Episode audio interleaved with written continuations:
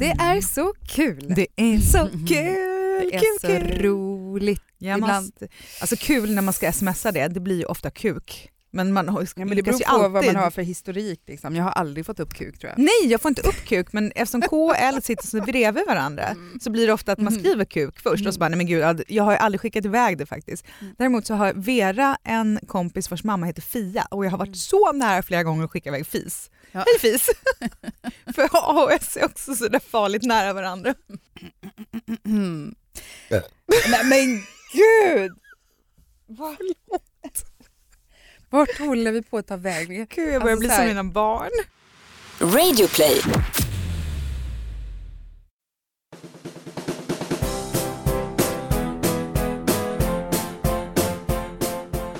Hej och välkomna till Knoddpodden, en podd om knoddar givetvis. Vad är det tänker du? Jo, men det är barn som vi kallar för knoddar. Är det bara Stockholmsuttryck? Nej. Säger du som är från vadå, Borås? Är det i Stockholms förort det eller? ja. ja, nej men vi menar våra små liv vi har runt omkring Men oss. min man barnen, säger ungar. knoddar och han är från Småland. Ja, men han har bott så länge i Stockholm. Ja, ja, ja han Jag- räknas inte. Hur som helst, eh, vi hoppas att du nu förstår vad vi menar med det här. Det handlar om våra barn, men framför allt också om oss föräldrar och hur man liksom kan pussla ihop sin vardag på bästa möjliga vis. Det är inte alltid så enkelt och det finns inte alltid några sätt som är de mest ehm, rätta. Eh, men vi hoppas att du ska känna dig helt normal med hur du än löser vardagen när du lyssnar på våra sätt, hur vi gör. Jag heter Jeanette och mamma till Polly som är fem år. Och jag heter Mikaela och är mamma till Vera som är åtta och Edith som är fem. Och förutom här så kan du också hitta oss på Instagram och Facebook som Knoddpodden. Och så har vi ju tjatat om det här lite förut och vi vill gärna fortsätta att tjata om det, tjatmajor som vi är. Men lyssnar man via Podcaster-appen och iTunes då får man jättegärna sätta ett betyg. Då blir vi så glada. så många stjärnor du orkar. Mäktar med, hur många kan det vara? Apropå eh, sociala medier, nej men Facebook, kommer du ihåg precis i början när man hade Facebook, då var det ju vanligt så att man pokar någon, puffar någon. Just ja, man kunde göra det. Poka. Vad sjutton betyder det? För jag ser, jag får erkänna, jag är ganska dålig på att vara inne på min egna Facebook-sida, det är jag inte speciellt ofta. Jag gör aldrig några uppdateringar och sånt där, men in och kika lite ibland liksom. Och så får man ju så här äh, aviseringar när det händer någonting. Och så fick jag en sån igår kväll med att det är en kille som jag inte är kompis med på Facebook, inte vet vem det är, som har puffat mig. Vad är det? Va, kan man göra det fortfarande? Jag blev så förvånad. Vad är, alltså vad vill man då? Han måste ju bara råkat komma åt någon knapp. Tror du det? Vad var det för snubbe då? Nej men ingen aning, någon så här säljsnubbe och jag kollade så här, ja, två så här väldigt random gemensamma vänner och alltså bara två också. Några bilder då som han hade lagt upp eh, som man kunde se fast vi inte är vänner, det var lite så här uppknäppt skjorta, kanske en hand som åker in innanför sin egen skjorta. så himla märkligt. Jo! Ja, jag förstår ingenting.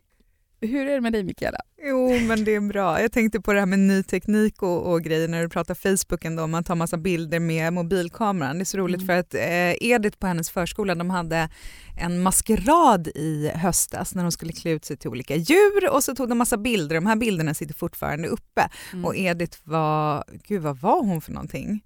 Ekorre väl? Ekorre! Tack! jag. Tack! Jag, bara, jag ser den där svansen, jag bara, vad är för hon fick göra en egen svans. Och så fick, jag försökte Bäver. tänka, det var exakt bäver jag tänkte på faktiskt. Jag bara, är det en bäversvans eller vad är det? Ja, nej, hon var ekorre i alla fall. Och då har de ju tagit med vanlig kamera och då märker man hur ovana de är med att man tar med en vanlig kamera eh, och inte med mobilen. Eller det kanske kan bli med mobilen också, jag vet inte. Men jag brukar aldrig använda blixt med mobilen. Jag använder sällan blixt med vanlig kamera också, jag tycker att det blir så fult. Men hon har ju röda ögon på den här bilden. Ja. Varenda morgon sen vi såg den där bilden så går vi förbi och så säger hon Titta mamma, titta! Visst är det så coolt att jag har röda ögon? Tycker, titta på mitt familjealbum liksom från när jag var barn, var och varannan bild har man ju röda ögon på. Men du, hur ofta använder du din kamera ens då? Alltså, Alldeles för kameran. sällan nu för tiden måste jag säga. Jag brukar ta fram den så här, alltså det blir ju, det är tråkigt men jag använder ju min kamera jättemycket, jag älskar ju att fotografera. Eh, men nu blir det typ julafton, födelsedagar, man ska iväg på något speciellt. Vi var iväg nu i helgen och hade sån här riktig eh, vintersporthelg. Du vet, vi åkte pulka hela Mm. ena dagen och Det var ju andra så dagen härligt så... vinterväder. Ja men det var ju otroligt och- vackert och då tänkte jag så här, nu skulle jag ha med mig min kamera på Mm. riktigt så man kunde ta några fina bilder på barnen liksom, i den här solen och gnistrande och helt krispigt. Men vet, och... Jag orkar inte prata om det för jag bara känner sån ångest över just sånt här med bilder. Eh, ena ångesten är just det du säger. Jag har också en kamera som jag köpte då precis när Polly skulle födas eller hade fötts. Eh, gick jag och köpte mig en systemkamera för att verkligen kunna ta lite riktiga fina bilder. Och det gjorde jag kanske första halvåret. Inte bara första veckan. halvåret, året. Sen har den legat liksom. Eh, och jag har inte ens gjort något med de där bilderna, jag har inte lagt över dem någonstans, jag har inte använt dem, jag har inte tittat på dem knappt. Eh, det är ju ångest. Liksom. Och det andra är ju det här med hur man lagrar sina bilder och vad man gör med dem. Det kan jag ligga lite sömnlös över. Jag tänker så här, jag lägger ju över Sömnlös, Ja, herregud. jag blir helt stressad när jag ligger och tänker på det. Då lägger jag över allting så här, när man måste lätta på trycket i sin telefon eller i sin laptop. Lägger jag över det på en stor extern hårddisk och så tänker jag så här, vad händer om jag tappar den i golvet? Men du har väl ett moln också? Nej, Jaha. jag litar inte på molnen. Jag tänkte snarare att jag skulle så här, äh, lägga över dem på ytterligare en, en extern hårddisk. Men sen så började jag med... Varför då? Om det börjar brinna i din lägenhet så brinner ju båda upp. Eller ska Nej, jag då... kommer förvara den på ett hemligt Jo, men vet annat du vad? ställe. Det hände faktiskt i, när vi bodde i London, vår kompis Ida, hon kom hem till oss med sin externa hårddisk och bara “kan inte jag få förvara den här?” Jag bara “gud vad skulle jag göra?” Så den låg i Mats strumplåda när vi Som så bodde här, där. Mission impossible. Öppna den inte för att då... Jo, istället så, så har jag börjat också göra sådana här fotoböcker. Eh, då handlar det ju bara om eh, Polly för det känns som att det är de bilderna man är eh, allra mest rädd om. Eh, Så då har jag gjort en bok för varje år där jag samlar cirka 100, drygt 100 bilder då, Mm. under hela det året. Att bara, här är din fyraårsbok, här är treårsboken, här är tvåårsboken. Ja, men då gör du ju någonting, det är väl jättebra? Jo men jag är fortfarande så, alltså ändå. Och nu ligger jag efter med det. Nu, det finns bara upp till hon är tre år.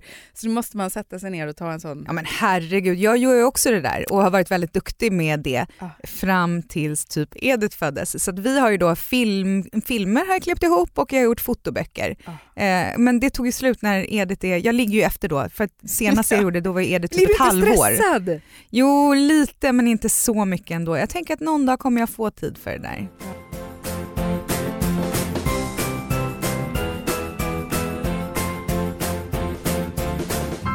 Det är så kul att Branäs skidort är Knoddpoddens samarbetspartner den här veckan också. Ja, och vet du, jag var inne på deras hemsida alldeles nyss, branäs.se. Mm. Och hur perfekt alltså? 4 minus, 120 cm snödjup, 30 av 30 backar öppna och 21 av 21 liftar. Ja men det är så perfekt för familjer. Gratis barnaktiviteter, boende nära liftarna så det är liksom bara att glida ner i backen direkt från farstukvisten. Om man hyr utrustning då kan man få den direkt också till dörren. Det är ju supersmidigt, precis som ens eget eh, liftkort också som man har beställt.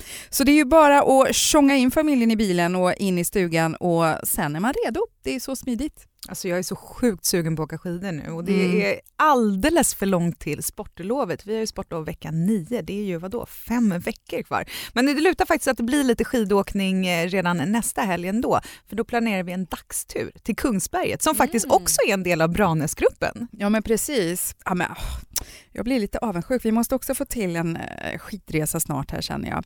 Ja, men in på branes.se nu hörni så kan ni läsa mer om det här guldstället. Och låt barnen kolla också för att det är ganska kul om man klickar in på barnsidan där. Då finns det lite så här sköna filmer med Branes maskottar björnbusarna. Tack Branes, för att ni är Knoddpoddens partner den här veckan också. Ja herregud, men eh, ja, de blir större, våra barn och eh, något jag har ägnat eh, en del tid åt senaste eh, veckorna det är ju att gå på skolinfomöte. För nu, i alla fall här i Stockholm, på många ställen är det väl början av året i alla fall, som det är dags att man ska välja skola när man har kommit till den åldern. Mm, och du har gått på flera stycken. Edith ska också börja skolan men jag har ju gått på ett möte och det Mm. gjorde jag lite sådär bara för att jag var tvungen kände jag. För Vera går ju redan i den här skolan. Så det var på den skolan, det var inte att du gick och kollade på en ny skola? Nej, det gjorde jag faktiskt inte. Men då, det, är- det är ju så att jag tänkte på det när jag satt där och, och lyssnade så tänkte jag, men gud jag har ju inga kriterier alls som jag tänker att det här ska uppfylla si, det ska uppfylla så, utan det är är bara det är närhetsprincipen som gör att jag väljer den här skolan och att Vera redan går där. Men saker som jag tänkte på när vi hade förskola att välja på, när jag hade ett större val Mm. inom ett bra räckhåll. För att nu om vi ska söka en annan skola då måste vi typ åka tunnelbana några stationer och, och det känns liksom inte rimligt eller nödvändigt. Och det är en bra skola som ligger nära men med förskola så kollar man ju och shoppar runt lite på ett annat sätt. Och då till exempel maten var ju ganska viktig för min del. Mm. Kolla vad de hade för mat och hur de lagade den och gjorde man det på plats eller köpte man in färdig mat och så vidare. Men eh, med skolan har jag överhuvudtaget inte tänkt på det.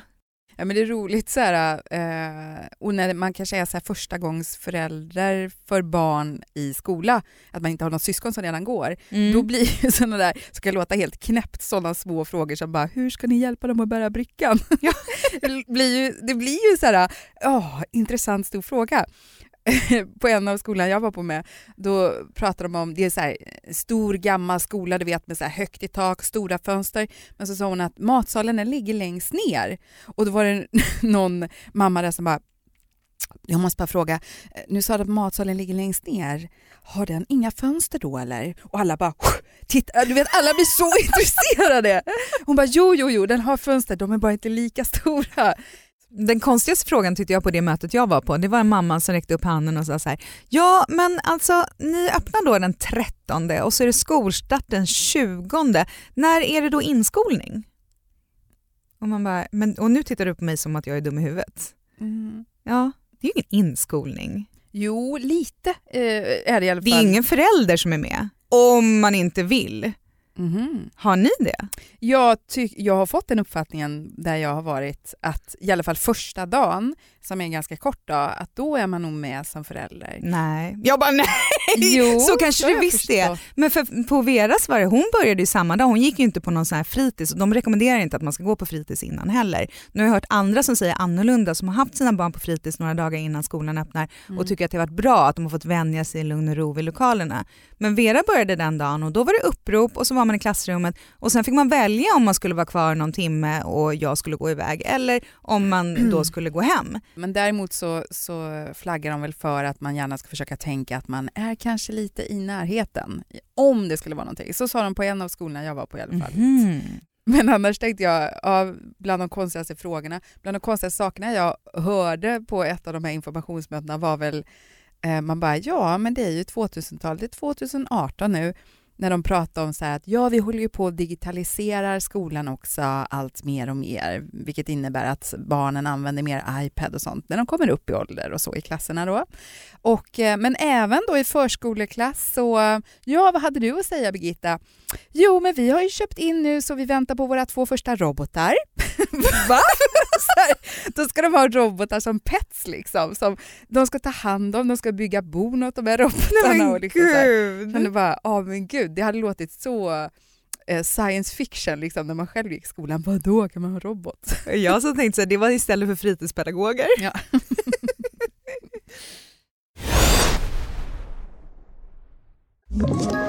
Ett poddtips från Podplay. I podden Något Kaiko garanterar östgötarna Brutti och jag, Davva, dig en stor dos skratt. Där följer jag pladask för köttätandet igen. Man är lite som en jävla vampyr. Man har fått lite blodsmak och då måste man ha mer. Udda spaningar, fängslande anekdoter och en och annan arg rant. Jag måste ha mitt kaffe på morgonen för annars är jag ingen trevlig människa. Då är du ingen trevlig människa, punkt. Något Kaiko, hör du på Podplay. Därför är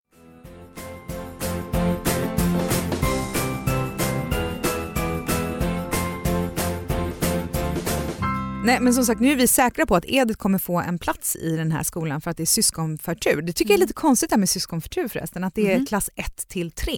Så har du en syster som går i fyran, då har du, då har du inte syskonförtur. Är det sant? Är inte det lite märkligt? Mhm. Ja, det var konstigt, trodde jag inte. Ja, nej, men så vi är säkra på att hon kan få en plats och vi har ju supernära till skolan. Vet, jag ser ju skolan från Mm. vårt köksfönster. Men när Vera började, när vi sökte till henne, Mm. då var vi inte säkra på att hon skulle få en plats i den här skolan. Mhm. För att året innan så hade barnen som började i skolan i vårt grannskap då, precis grannarna, de hade blivit placerade på en annan skola som ligger typ en och en halv kilometer bort. Så vi var ju så här, åh gud ska vi få plats, ska vi få plats, ska vi få plats? För jag bara nej jag vill inte sitta och gå Nej. en och en halv kilometer varje dag dit och en och en halv kilometer hem varje dag med en sexåring när man ser skolan från köksfönstret. Jag var så irriterad, jag var så här, Ja. vad ska jag göra om det här händer? Men då finns det någonting som heter närhetsprincipen som de förklarar på den här söka skola-sajten som Stockholm.se har. Mm mars får du besked om i vilken skola ditt barn fått en plats i.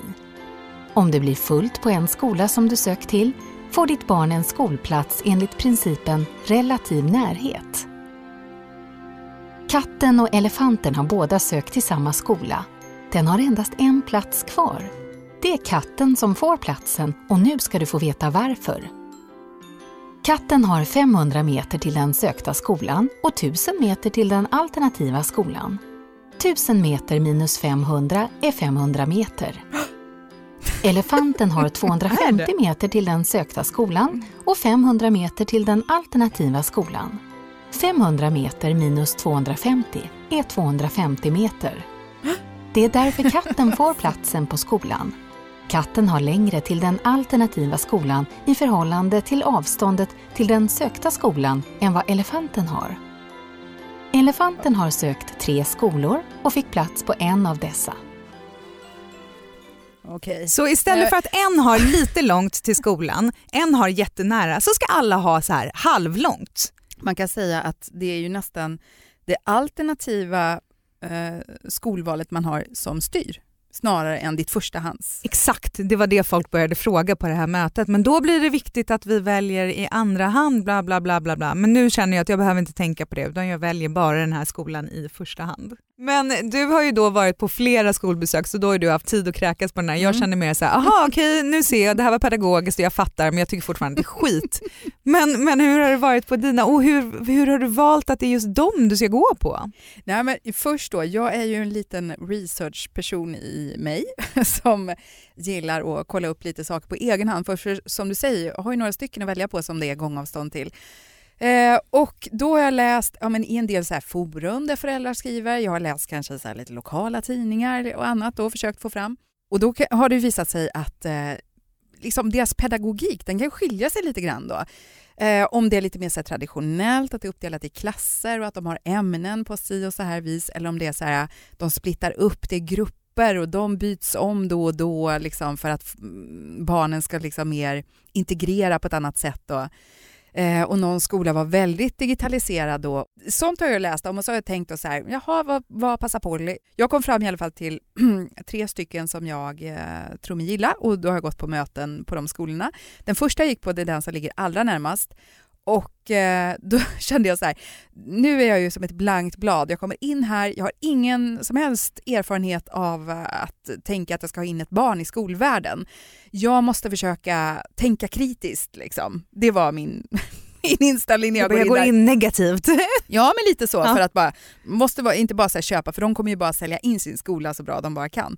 Men jag sitter där och bara nickar och ler. Nej men vad fint, gör ni! Och maten är bra också säger ni. Nej men alltså du vet, helt såld. Och jag vet inte om det är för att det var den första skolan jag var på och besökte. Att den liksom fick sätta någon slags prägel, att det är det jag utgår ifrån när jag går på de andra skolorna. Eller om jag faktiskt ändå hade tyckt att den var bra. För jag känner nog att det är den som kommer bli vårt förstahandsalternativ. Även om jag kommer välja ett par andra också. Men de andra lät härliga också. Jo, men de, de var också härliga då. Och alla har ju å andra sidan, när man verkligen benar ut och tänker på det, alla har någonting som man verkligen gillar och alla har också någonting där man känner då att åh, fast där är ju den andra skolan bättre, fast då är den andra skolan där bättre. Så att, jag tycker det är väldigt, väldigt svårt. Eh, jag fick en väldigt härlig känsla av den här första skolan vi var på då. Eh, för där hade de gjort eh, lokalerna då som de här förskoleklasserna är i väldigt mysigt inrätt. Det var en liten hörna med soffor och någon mjuk matta på golvet och det var så här gulligt med pyssel och hur de... Och den här förskolefröken då som jag pratade med som har hand om en av grupperna, eh, hon var finlandssvenska och det var så fint och, Och du bara, mjukt och- jag kommer till jag bara, Mumindalen. får jag sätta mig i ditt knä en stund? Nej men det var så mysigt och trevligt verkligen. Och där eh, kändes det också som att de jobbar så mycket med det här att eh, det ska vara ett lugn. Att eh, lite ordning och reda, det gillar jag. Men också att, det är, att liksom få ner volymen, att arbetsron ska liksom infinna sig. Men sen så var jag även på en sån här skola som jag har gått förbi väldigt många gånger och då har jag tänkt så här, "Åh, den här ser ju så gullig ut, här ska Polly gå. Utan att ens veta, jag har aldrig läst om den, jag har bara gått förbi och tycker att det ser ut som en gullig skola. Den ligger vid vattnet och eh, har fin skolgård och ser lite mindre ut och inte så gammal. Men eh, då var jag på den också och där har de det här lite, lite nya tänket då att det inte är klassindelat utan de är uppdelade i färggrupper. Mhm. Eh, så då kanske du går i grupp rosa och då är man alltid med den gruppen och det kanske är 8-10 barn i en sån grupp. Men så mixar man då alltid med andra. Så i, då kanske det är så här, nu så ska vi ha någon utelek, då är det rosa och blå grupp som är tillsammans. Nu ska vi hitta på någonting i bild och konstrummet, då är det rosa och gula gruppen som är tillsammans. Så som de förklarar på mötet där, så sa de att ja, vi kan konstatera att de som tycker att det här är det rörigaste systemet, det är ni föräldrar. Barnen, de vet precis vilka färgade grupper de är med i själva, vilka de andra går i. Framförallt så får de mycket lättare att få många fler kompisar än att man är i den här lilla gruppen och så kanske man är sugen på att göra si eller så och så vill ingen annan kompis göra det i sin grupp. Nej men då har du alltid någon annan från de andra grupperna för de mixas så mycket hela tiden. Mm. Och de menar att det här var en jättepositiv grej de hade kommit fram till då, hur det här funkade. Mm, du, jag, jag sitter här och rynkar på näsan Ja. för att Veras skola är ju lite så. De har ju eh, stora klasser, de är 50 barn i hennes klass. Åh herregud. Men de är ju då sällan alla 50, Nej, de de, är till exempel aldrig inne och då har de ju färggrupper. Då. Mm. Och så Mm. delar de det lite hit och dit och fram och tillbaka. Eh, och då är det, ska det väl vara så att man ska ju lära känna många fler och det ska också vara så att man kan ändra om i de här grupperna utan att det blir så stigmatiserande att nu får du eh, byta klass för att du inte funkar i den här klassen. Utan det är bara, ja men nu har vi ändrat om, nu är du i gul grupp och du i grön grupp och sådär. Alltså efter nästa termin är det inte säkert att Vera är i gul grupp utan då kanske hon är i grön grupp. Så då har man mixat om lite. Och på pappret så låter det här bra och man ändrar om och man kan få det att fungera. Men det jag då har förstått som är lite negativt med det, eller som jag tycker, dels så tycker jag att det är för stora grupper. Jag tycker att det verkar som att man inte riktigt har tid att se alla de här 50 barnen.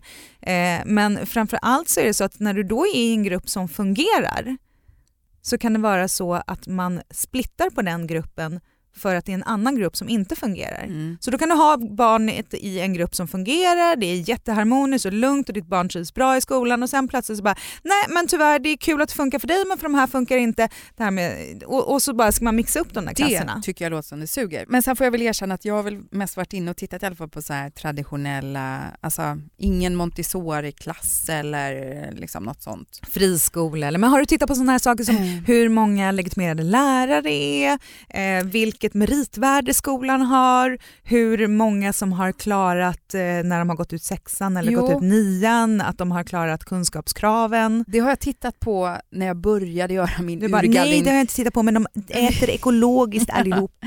Nej men jag Och de började titta på på, på rasten. vilka skolor jag ens skulle bemöda mig att gå på möte på. Då tittade jag på de där äh, som enkäterna som det bygger Ja. på. Eh, och eh, har ju gjort min lilla gallring därav då.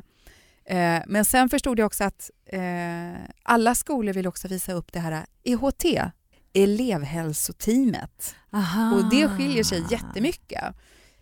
Det kanske inte är en stor grej när man tycker sig och tror sig ha ett barn som kanske inte kommer vara så beroende av det på något sätt. Men det handlar ju alltså då om eh, skolsyster, skolläkare, skolpsykolog, skolkurator, eh, det teamet. Liksom. Ja, det var intressant för det sa de på det här mötet som jag var på och det visste inte jag. De sa, ja och här på den här skolan så har vi ett fulltaligt e- elevhälsoteam. Ja. men jag gissar Ja. att man då delar annars kanske, att man inte har en eh, skolkurator utan man kanske har vissa dagar i veckan. Men här har de liksom alla är där För på det plats. skiljer sig jättemycket kan jag säga. Ja, det Alltså, hade jag ingen aning om. jag Jag bara tog för givet. Ja. Men skolkuratorn var ju den som alla sprang in och grinade hos när man gick i skolan höll jag på att säga. Gud vad hemskt. Men... Nej men och sen framförallt, ja men tänker också så här att de har att de har en läkare, eller som i alla fall kommer dit ibland. Att inte bara, inte för att säga så, men inte bara en skolsyster. Mm. Eh, på en skola där var det så här, där hade de fem stycken skolpsykologer. På en annan hade de så här, det tar vi in vid behov. Det kommer någon ibland. Alltså så här. Så och då undrar man så här, är det för att det inte finns något behov? Har de fem för att det finns ett exakt. behov? Vad säger det Man om skolan? Eller bryr lite. de sig mer? Och, jag vet inte. Ja. Sen har jag tittat för mycket på, på det här, jag håller på att kolla på Bonusfamiljen på SVT Play. Ja. Där spelar Christian Loks bror skolkurator. En lite speciell figur. Du är hypokondrisk. Okej, och vem fan är du? Ja, ursäkta, jag är Filip Kron. Eller Kron heter det faktiskt. Det är estniskt ursprung. Mina föräldrar kom vid... Ja, skitsamma. Jag är skolkurator. Har du haft samtal om din son?